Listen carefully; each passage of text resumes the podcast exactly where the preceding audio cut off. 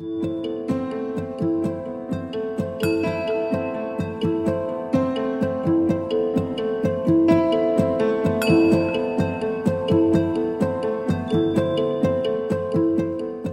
til Akademisk kvarter, en podkast fra Cappelen Dam Akademisk. Og det er jeg, Anja Nylund Hagen, som sier velkommen i dag. Sammen med deg, Hedvig Mollestad Thomassen. Ja, det er riktig. Ja, så bra. Eh, vi sitter her på, i et sånt koselig studio på Cappelen Dam Akademisk fordi jeg har skrevet en bok Juhu. sammen med Marit Torvik Heian, Bård Kleppe og Roy Jacobsen.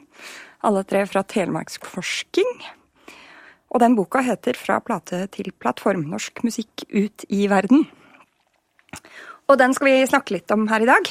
Så bra at du kunne være med og prate om den boka, Hedvig. Ja, det vil jeg veldig gjerne være med og prate om, for den eh, er jo viktig for eh, flere. Ja, Så bra at du syns det. For du er jo eh, en kjent norsk gitarist, musiker, komponist, med mer enn ti utgivelser i eget navn. Ja, sånn cirka. Det er helt rått.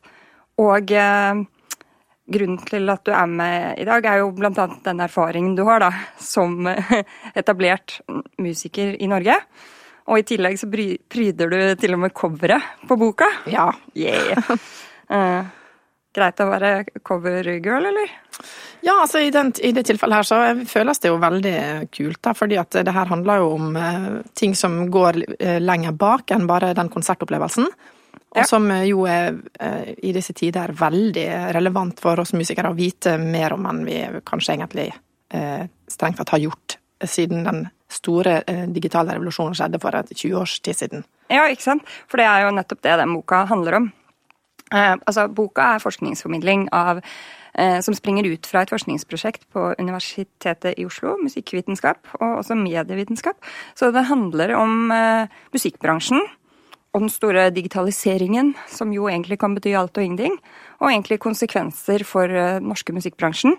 Og med vekt på økonomi og opphavsrett, men egentlig det, vi, det jeg Mitt grep da, for å begynne å utforske dette her, som verken er økonom eller jurist, eh, det var jo rett og slett å, å prøve å forstå hva alle disse digitale plattformene har å si for arbeidsmåtene og vilkårene norsk musikkbransje har da, for å kunne gjøre jobben sin med å distribuere musikken de lager. Og vi har jo en rekke resultater som, som vi presenterer på, på ja, forhåpentligvis nokså tilgjengeligvis i boka. Ja, for hvor mange er det dere har spurt? Nei, Det er bygget på en spørreundersøkelse som er 555, tror jeg, som svarte på den. Så det er jo ganske bra eh, En bra gruppe representative musikkbransjeaktører som, som har svart på spørreundersøkelsen, eh, som disse resultatene bygger på. Og, og det som kjennetegner de som har svart, er jo at 80% av de også har, sånn, har internasjonal erfaring med musikken sin. En eller annen form for erfaring fra utlandet. Eh, og, og det er jo akkurat det, det digitales rolle i det å nå ut som er et av nøkkelspørsmålene. Fordi et, et sånt hovedfunn er jo nettopp det at veldig mange erfarer jo det at muligheten til å komme ut i verden, synes ut i verden, få fans, publikum, og vite at man har på en måte noen som hører på musikken sin der ute, den har jo økt med, ved at man distribuerer i digitale plattformer. Ja, bare sånn, Da jeg snakker om digitale plattformer, så mener jeg jo strømmetjenester som Spotify og Tidal, uh, YouTube, uh, men også Facebook, eh, Snapchat, Instagram, sant? og TikTok, ikke minst, som alle snakker om nå om dagen. Ja. Men eh, er det noe som resonnerer i din uh, arbeidshverdag? Ja, altså det her har jo vært eh, den, Jeg ga ut min første plate i 2011. Og det, jo, det var jo ti år etter at eh, det spetakkelet her begynte, eller cirka. Slik at jeg opplevde ikke sånn som for eksempel det plateselskapet som gir ut på, Rune Grammofon, eh, som i mye større grad kanskje følte at eh, man fikk teppet dratt litt eh, vekk under seg, da. Fordi at man gikk fra denne eh, piratkopieringsproblematikken til eh, opplevelsen av at det du jobber med, og får Ja, ble på en måte tatt gratis på internett og, og spredd utover, at det var sånn veldig frustrerende for mange, til at det plutselig på en måte var blitt gjort legalt å gjøre det på den måten, juridisk sett, da. Mm. Og der begynner jo den kampen mm. for opphavsretten, og på en måte uh, for uh, ja, retten til de verdiene som ligger i det vi har skapt, da. Mm. Uansett om det på en måte er myke verdier som en, en emosjonell opplevelse eller en kulturopplevelse, eller om det er kapitalistiske verdier ja. som uh, kommer Penger. til syne i på en måte kjølvannet av det vi skaper. For det er jo mm. det som har vært Det er jo det som er litt problematisk her, da. Eller ikke det er jo flere ting som er problematisk for oss, men ja. litt av det er jo at eh, på en måte bruken av musikk, som vi er veldig, veldig, veldig mange som lager, både store og små artister, eh, eh, genererer en helt sånn veldig stor opptjening for de som sitter på toppen, eh, basert på at de kan hente inn informasjon om eh, brukermønstre, mm. ikke sant, til lytterne. Ikke sant? Og det er jo veldig sentralt i, i, det vi skriver om i boka. Og det du er inne på nå, er jo på en måte det som har blitt det begrepet digital ambivalens. Mm. For den ambivalensen, den, den, rommer jo på en måte mulighetene, men, men, også erkjennelsen av at eh, ok, det er ikke så Du når ut i verden, men det er helt sjukt mye annet som må mestres av både kompetanse og innholdskontroll, som norske musikkbransjeaktører, altså som du setter ord på, ikke sant opplever som en større utfordring, nærmest, mm. ved denne digitaliseringen. Så i det derre ambivalente forholdet så ligger det også en sånn følelse av at man må være på de her plattformene. Man må være til stede, man må være synlig, man, men man har samtidig liksom gitt fra seg ikke bare innholdet, men, men, også mye av den kontrollen for hvordan det innholdet beveger seg. Da, har, har, muligheter til å nå ut. Da. Mm. Er du enig i det? Ja, absolutt. Jeg, øh det her er jo øh, det er jo veldig interessant å snakke om fordi at uh, man bor og står i det, ikke bare på en måte gjennom uh, virket sitt og det man har skapt, og sånn opphavsrettsmessig, men også som en bruker av sosiale medier mm. i en hverdag der på en måte ikke bare på en måte at alle bruker det, men også at på en måte systemer som disse plattformene bruker for å generere ting, blir tatt mer og mer opp andre steder i samfunnet. ikke sant? Så dette her er, det her er uh, situasjonen nå, og kanskje er vi midt i på en måte et sånt sted der vi prøver å finne ut av hvordan vi skal løse det, men jeg ser på det som et sånt uh, musikalsk diktatur. Ja. Såpass? For, ja, det vil jeg si. Jeg syns at digital ambivalens er altfor svakt for på en måte de konsekvensene det faktisk har for oss. Mm. Både som komponist og utøver, mm. men også som menneske med eh, et sett av forhåpentligvis eh, gode verdier i oss, da. Mm. Og hvordan man eh, møter dem i livet sitt. Ja. Hvordan man blir eh, introdusert for dem, og, hvor de fins. Mm. Og, hvordan de blir, og hvordan de blir presentert som verdsatt. Ikke sant? Ikke sant? Og det der med verdi, da, som du snakker om, for jeg tenker det er ganske sånn Det, det bruker jo litt tid på å definere i starten av boka. Mm. Nettopp dette her med, med plattformenes egeninteresser. Fordi Internettplattformer de er eh, laget på en måte De er avhengig av innhold som sirkulerer. Mm. De er avhengig av brukere, uh, som er musikkfans, blant annet. Mm. Uh, men så er det jo det at måten det innholdet sirkulerer på i disse plattformene, det er på en måte Det skjer etter plattformleverandørenes egne logikker. ikke sant? Og ja. det er her både kuratering og algoritmer og automatisert Eh, teknologi kommer inn, ikke sant. Og, og, og du som jobber i eh, ja, Hvordan vil du beskrive delen av musikkfeltet du jobber i? Liksom, er, du, er, det jazz eller rock? Eller, altså, det er en blanding av samtidsmusikk, bestillingsverk, det er jo masse forskjellig. Det er jo mye mer enn en sjanger. ikke sant? Det er jo på en måte et miljø der man, der man sitter og har, og har, fullt fokus på musikalske strukturer og på kunstutvikling. Ja.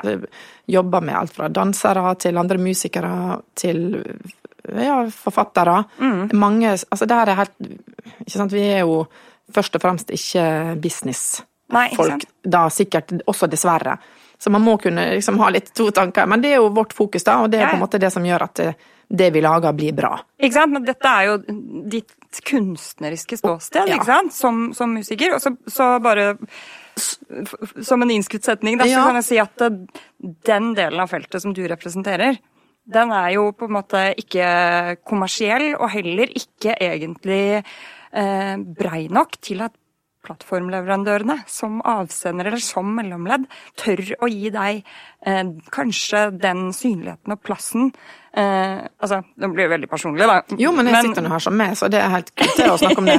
Ja. ja. det er helt klart at slik at for, for oss så representerer det jo både, sånn som dere beskriver veldig godt, en sånn veldig empowerment, men også en sånn ekstrem exploitation. Ja.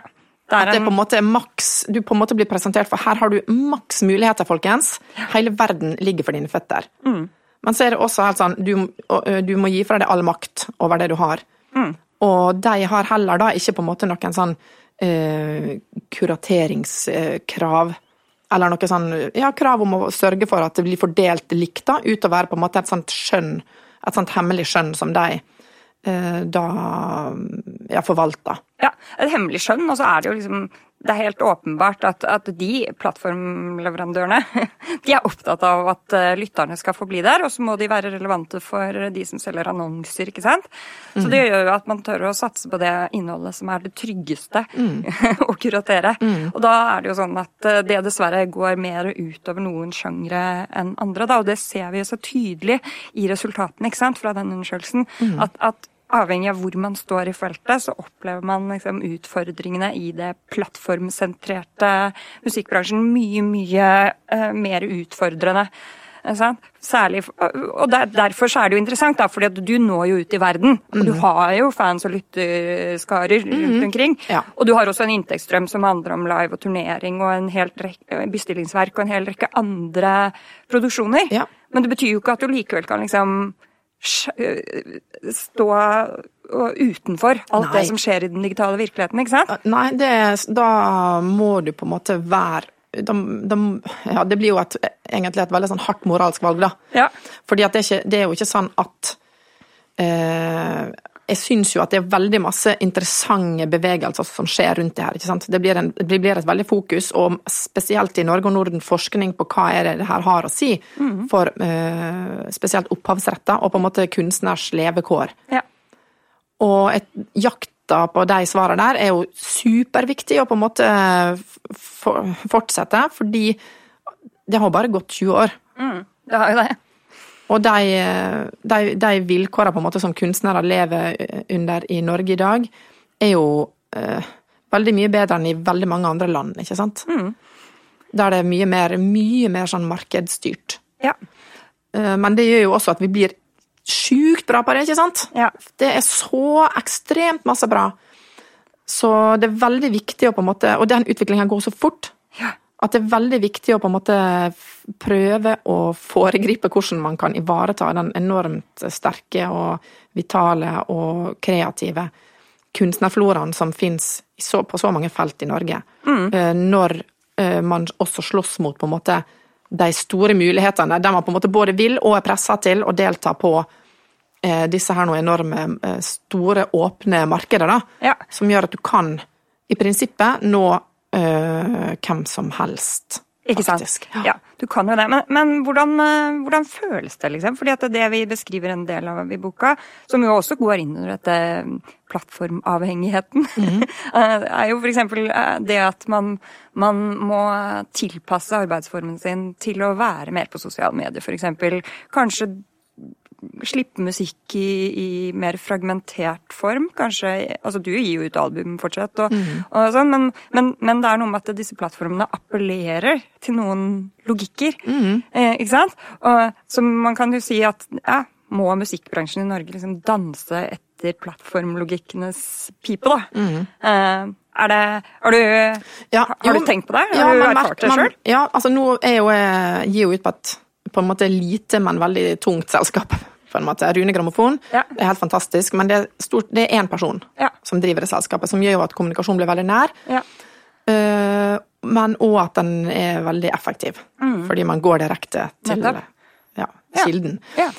Men også der så er merker man jo at, uh, altså, at distributørene da Mm. helst vil ha singler, selv om at det er et instrumentalalbum på seks lange låter. ja, ikke sant? Så det er jo veldig vanskelig å forene det der. Men jeg tror at Og så tror jeg at gjelder, man må hele tida ha flere enn én tanke i hodet. Ja. Både det eh, Ikke for å utnytte ting mest mulig, eller for å på en måte tenke mest mulig inntjening, men det er jo på en måte hvordan skal man få til å bevare de viktige tingene som man sjøl jobber med, uten at man på en måte går på kompromiss med dem, men samtidig klarer å på en måte forholde seg litt sånn relativt konfliktløst da, til en helt ny eh, ja, distribusjonshverdag, eller hva man skal kalle det, eller Ja. ja. Mm. s- så, men så er jo Jeg har jo på en måte en eh, Fordi at jeg jobber sånn som jeg gjør med Rune, og har den erfaringa gjennom ti år med han, så kan jeg kan på en måte gjøre litt sånn som jeg vil. meg, jeg kan fortsette å jobbe og, og tenke LP-format når jeg lager, skal spille ned plate. ja. Fordi at jeg skal ikke Jeg skal ikke selge ut Nei. Wembley, dessverre. Det hadde vært veldig kult, det, altså. Men det er liksom ikke det som er første pri, ikke sant. Mm. Så jeg tror at man tror, For min del så funker det i hvert fall veldig bra å bare Ja. Sånn som du snakker om, da, de mulighetene, de enkle mulighetene som ligger der, i sånn informasjon som ligger der. Mm. Hvor er det man har flest lyttere? Ja, fordi nettopp det er jo et, et sånn funn som jeg ble litt overraska over, da. Da vi gjorde selve studien. Var liksom, fordi, fordi jeg hadde gjort en forstudie hvor jeg intervjua en del management plateselskap, sånn, hvor de snakket om viktigheten av tall da, fra bl.a. strømmetjenestene. Tall om, og, og, som forteller om bevegelsene innholdet har på Facebook, altså på alle mulige digitale plattformer. Hver bruker legger jo fra seg et lite spor for hvert klikk man gjør. ikke sant? Hver gang man skipper en låt, hver gang du flytter en låt inn på en spilleliste. Alt dette her blir til enorme datasett. Og den dataen, det er jo kjernen i hele businessmodellen til alle digitale plattformer. Det at man vet mest mulig om publikum, og også her vet enormt mye om, om musikkbransjen etter hvert. ikke sant? Det er en type informasjon som musikkbransjen som helhet ville hatt veldig nytte av å ha tilgang på. Men det er plattformleverandørene som har den fulle tilgangen på denne dataen. ikke sant? Og så blir det jo sånne businessmodeller som f.eks. Spotify for Artists, som er på en måte en sånn sidegren av Spotify, som, som ikke har eh, den store publikum der ute som målgruppe, men nettopp ha musikkbransjen som målgruppe. fordi at der kan Spotify gi fra seg eh, vesentlig informasjon, som er superviktig, som du sier, for at, mm. for at eh, dere skal kunne vite hvordan musikken beveger seg på internett. Da. Og den kan jo brukes strategisk. Og så kommer poenget som overrasket meg. Det var jo at det var liksom godt over halvparten av alle de som har svart på spørreundersøkelsen, som sier at de enten ikke hadde brukt noen form for data eller innsikt fra, fra digitale plattformer. Og over én av fem sa jo også at dette var ikke informasjon som var relevant i det hele tatt. Og det overraska meg litt, liksom. For det sånn, den er jo den samme gruppen som sier at de er plattformavhengige og bruker disse mediene i veldig stor grad nettopp som verktøy. Ja. Så bruker man liksom ikke the flip side of it, som, som gir, som gir den, den nyttige bransjeinfoen. Og jeg skjønner jo kanskje at kunstnere som deg ikke skal sitte og analysere data, liksom. Ja, tror, ja men det, ja, det er liksom det, det du sier, jeg tror jeg nok veldig mange kan kjenne seg igjen i. Ja. Men det tror jeg også henger sammen med at du føler litt at eh, for, for, for, altså, Det er de to sider her, ikke sant? Det ene er på en måte fak, den faktiske hverdagen, hvordan på en måte man løser eh, det å skulle gi musikk til en plattform som skal formidle den og distribuere den. Ja. Og så er det på en måte et annet aspekt ved det her, og det er på en måte den, eh, det moralske aspektet. Ja. som, er, som, som man finner igjen i på en måte alle, eller i andre typer kunstmiljø og i andre typer strukturer. For eksempel, et veldig godt eksempel er jo egentlig eh, Kongsberg-gruppen og Kongsberg Jazz, der veldig mange jazzmusikere ikke ville spille der fordi at eh, Kongsberg-gruppen var hovedsponsor. ja.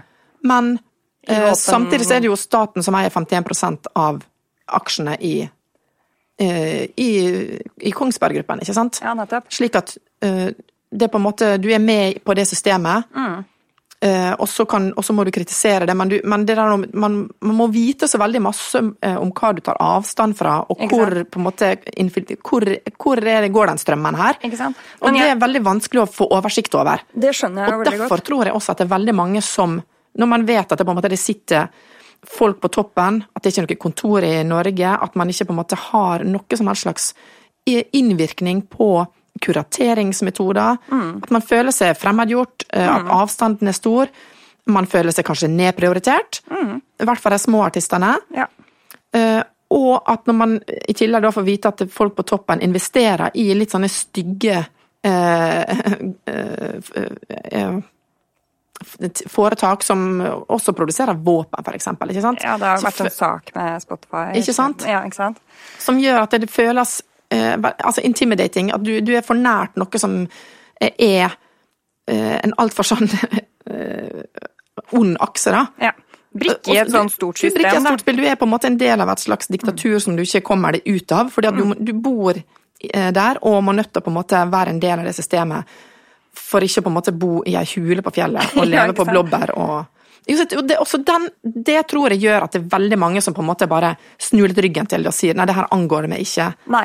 Men allikevel så er man jo der, ikke sant? Man er jo del av det. Ja, Men og det kan jo være veldig hardt å, å svelge, ikke sant? At, Ja. du, at du må på en måte være en aktør og bidra til Du må ikke, men at veldig mange er en aktør i det her og bidrar til at uh, alle disse her nå på toppen, eller den ene eller de flere på toppen, og gjør investeringer som du på en måte prinsipielt er helt sånn vanvittig imot, ikke sant? Ikke sant? Ja, for jeg syns jo det er et, et veldig dilemma i det. Og man er del av plattformene, men, men, men jeg syns jo også at hvis det er sånn at For det også ser vi at de som liksom evner å ta i bruk f.eks. denne dataen av musikkbransjeaktørene selv, eh, de er jo også de som svarer at de er minst. altså, det, det gir en form for eh, Ja. kontroll og Ja. oversikt, ikke sant? Og skjønne litt mer av hvordan de digitale systemene faktisk fungerer. Eh, og det er jo med på å bygge en type autonomi, ikke sant, hos, hos musikkbransjeaktørene. Men, jeg, men det er jo også dette er jo også en av grunnene til at uh, vi også finner at uh, bruk av mellomledd, altså typ det at, at uh, de skapende og utøvende musikerne eh, som jobber med team, som har liksom plateselskap, promo, PR, har management, altså særlig for den internasjonale satsingen, de, eh, er, de er på en måte mest eh, fornøyd og minst negativt ambivalente, da, fordi fordi at de har den spissa kompetansen som på en måte kan i den grad det er mulig å få kontroll over det som skjer ute i dette plattformsentrerte landskapet, så, så har de litt større mulighet for å klare å manøvrere da, det internasjonale, globale, digitale feltet. Ja, men det er jo også, tenker jeg, fordi at disse plattformene er jo et mye, mye bedre sted å være for store artister. Ja, som har alt det der lina opp for seg. ikke sant? Så det, jo, det, jo, det har jo også med det å gjøre. Ja. At disse plattformene er Jo større du er, jo bedre er det å være der. Ikke sant? Ja, nei, jeg syns jo i hvert fall det har vært en sånn morsom ting da, med, med å Forskningsprosjektet er jo liksom få opp, få opp det her eh, Følelsen av avmakt og misnøye Ja. og frustrasjon. fordi at det er jo Det kommer av noe. Og, og dette er jo egentlig superstrukturer som ligger der. ikke sant? Hele det derre multiglobale, kjempestore big tech-systemet. Som plutselig har blitt distribusjonskanalen ikke sant? for artister som deg og andre. Det er jo en uh, maktforskyvning, da. Ja, I den grad musikkbransjen det, det er vanskelig å snakke om musikkbransjen som en enhet òg, da. Musikkbransjen er jo så mangt, ikke sant, og det ser vi jo også. At det er liksom en eh, Det er jo fryktelig mange måter å jobbe med musikk på, og avhengig av hvor du står i det her svære feltet, så, så er det jo noen som definerer mer, men, men jeg syns det er et poeng å si at, at eh, det vi en gang har tenkt på som en musikkbransje med egen definisjonsmakt, det er en forskyvning der over til en tech-bransje ja, som gir definisjonsmakta ja. til hvordan musikkbransjen Ikke sant? fungerer. Ikke For den kritikken tror jeg, blant, fra liksom kunstnerfeltet mot disse plattformene handler jo ikke om at eh, du vil sende brev istedenfor å sende mail. Nei, det er jo ikke det det handler om. Det er jo ikke det, men det er jo at her er, her, man har mista kontroll, og at det er ganske viktige rettigheter som bare er ute og flyr, ikke sant? Ja. Og at du blir på en måte også presentert for at hei, her kan du, her kan du på en måte få slippe å, at folk stjeler musikken din, man kan heller bare betale bitte, bitte, bitte lite grann. Og så må du på en måte være med på det fordi alle andre er med på det, og så er det litt sånn hvem Det, er ikke noe Til og med store artister ikke sant, som ikke klarer å ta Det heller Det er ikke nok til å forskyve eh, de strukturene der. Nei. Nei da, så man, man er jo kjørt inn i et, et hjørne, på sett og vis. Ja, og så Samtidig så man, tror jeg også at man må, man må tenke at det her er på en måte ikke det siste vi ser. På ingen som helst måte. Altså, det her er en bransje som du, altså Så masse som har skjedd de siste 20 åra. Mm. Det kommer til å skje kjempemasse. Og den kampen for kunstnere sine rettigheter, eh, og på en måte generelle verdier i samfunnet, hvordan det på en måte er til stede eh, i, en, i en digital hverdag med så mye mer tempo og så mye mer helt sånn annen måte å tenke på uh, hvordan man skal fange noens oppmerksomhet. ikke sant? Ja, den oppmerksomhetskonkurransen er jo Ja. helt enorm, ikke sant. Og, og, og egentlig hva det koster da for musikerne selv, som plutselig skal være eksponert i, som, som offentlige personer som drikker kaffe og spiser frokost og tar bilde av maten sin, liksom. Ja. I den grad man vil være med Ja. den pakka, da, for å konkurrere om den totale oppmerksomheten. Ja, ikke sant? Hva er det av innhold du bidrar med? Mm. Det kan jo være verdt å spørre seg underveis, og hva er det, hva er det verdt eh, hva vil du, Hvor vil du legge på en måte tyngden din, da? Men jeg tenker jo at det som er veldig sånn tydelig, er jo at Norge har jo hatt et kulturpolitisk ideal å sikre bredde og mangfold.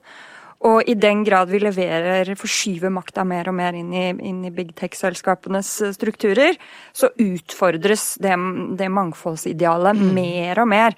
Sånn at desto viktigere så trenger vi liksom kulturpolitikken, vi trenger de markedsjusterende kreftene, vi trenger andre typer mellomledd. Vi trenger allmennkringkastere og, og folk som, som, som sørger for at, eh, at det ikke er logikkene til big tech-selskapene og plattformene som definerer den kulturoffentligheten, ikke sant? Som, som, som faktisk er avgjørende for hvilken kultur eh, døtrene mine får tilgang på. Altså, det du snakker om der, det er jo helt sånn Det er så 50 streker under. Ja, så bra. For det her må vi Det, det må på en måte vernes om og jobbes med mer enn noen gang. Særlig, ja, særlig også på musikkfeltet, for her, her sitter vi eh, i Norge og har altså et eh, kulturråd og mange fagorganisasjoner som virkelig står på barrikadene, og forhåpentligvis også en kulturminister som bare skal se hvor viktig det er å gå inn og verne om opphavsretten i, denne, i disse her noe svære tech-organisasjonene, og at det er på en måte det, det er en situasjon som må på en måte løses nå, ja, men man må tenke så mye langt lenger fremover, hvor disse inntektene og disse her noen utgangspunkter for at man skulle kunne leve et liv som kunstner, det, dem, de, må vi, det trenger vi hjelp Ja. til å eh, ivareta nå, om 50 år og om 100 år. Ja. Åh, jeg tenker det er eh, siste Hjelp! Siste, siste skrik her, ja. Ja, Hjelp! ja, ja. Et rop om hjelp. eh, På vegne av kunstnerne om kunstnerøkonomien og hele bredden og mangfoldet. Ja, Og rikdommen ikke sant, som fins der ute. Ja. Nei, men uh, boka er relevant for uh, for mange, da, høres det ut som det. Ja, det var veldig ryddig for meg å på en måte lese om veldig mange av mine reaksjoner som jeg har hatt siste ti åra da, på dette her, og at det var på en måte konkretisert og eh, funnet et mønster i det. Ja, Jeg hadde jo en periode også der jeg var ekstremt kritisk, ikke sant? ikke sant? Og det kom og bare ville snu ryggen til og ikke ha noe med det å gjøre. Ja. Og så er jo ikke det kanskje et alternativ heller, da, ikke sant, i 2022, eller Det, Det fins i hvert fall flere alternativ som jeg tror kan være eh, interessante å se på, da, i hvert fall. Ja. men eh, det, vi får, vi får tenke at eh, dette i hvert fall gir eh, legger opp til Smash for mer forskning. Ja. Kanskje har jeg jobb også i Ja. noen eh, tiår framover. Mm. Nei, men Ja.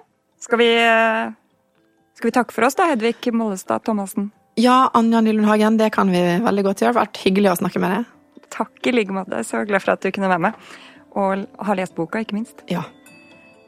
Dere har nå hørt en episode av Akademisk kvarter, en podkast av Cappelen Dam Akademisk. Boka, fra plate til plattform Norsk musikk ut i verden, kan kjøpes i butikk eller på nett.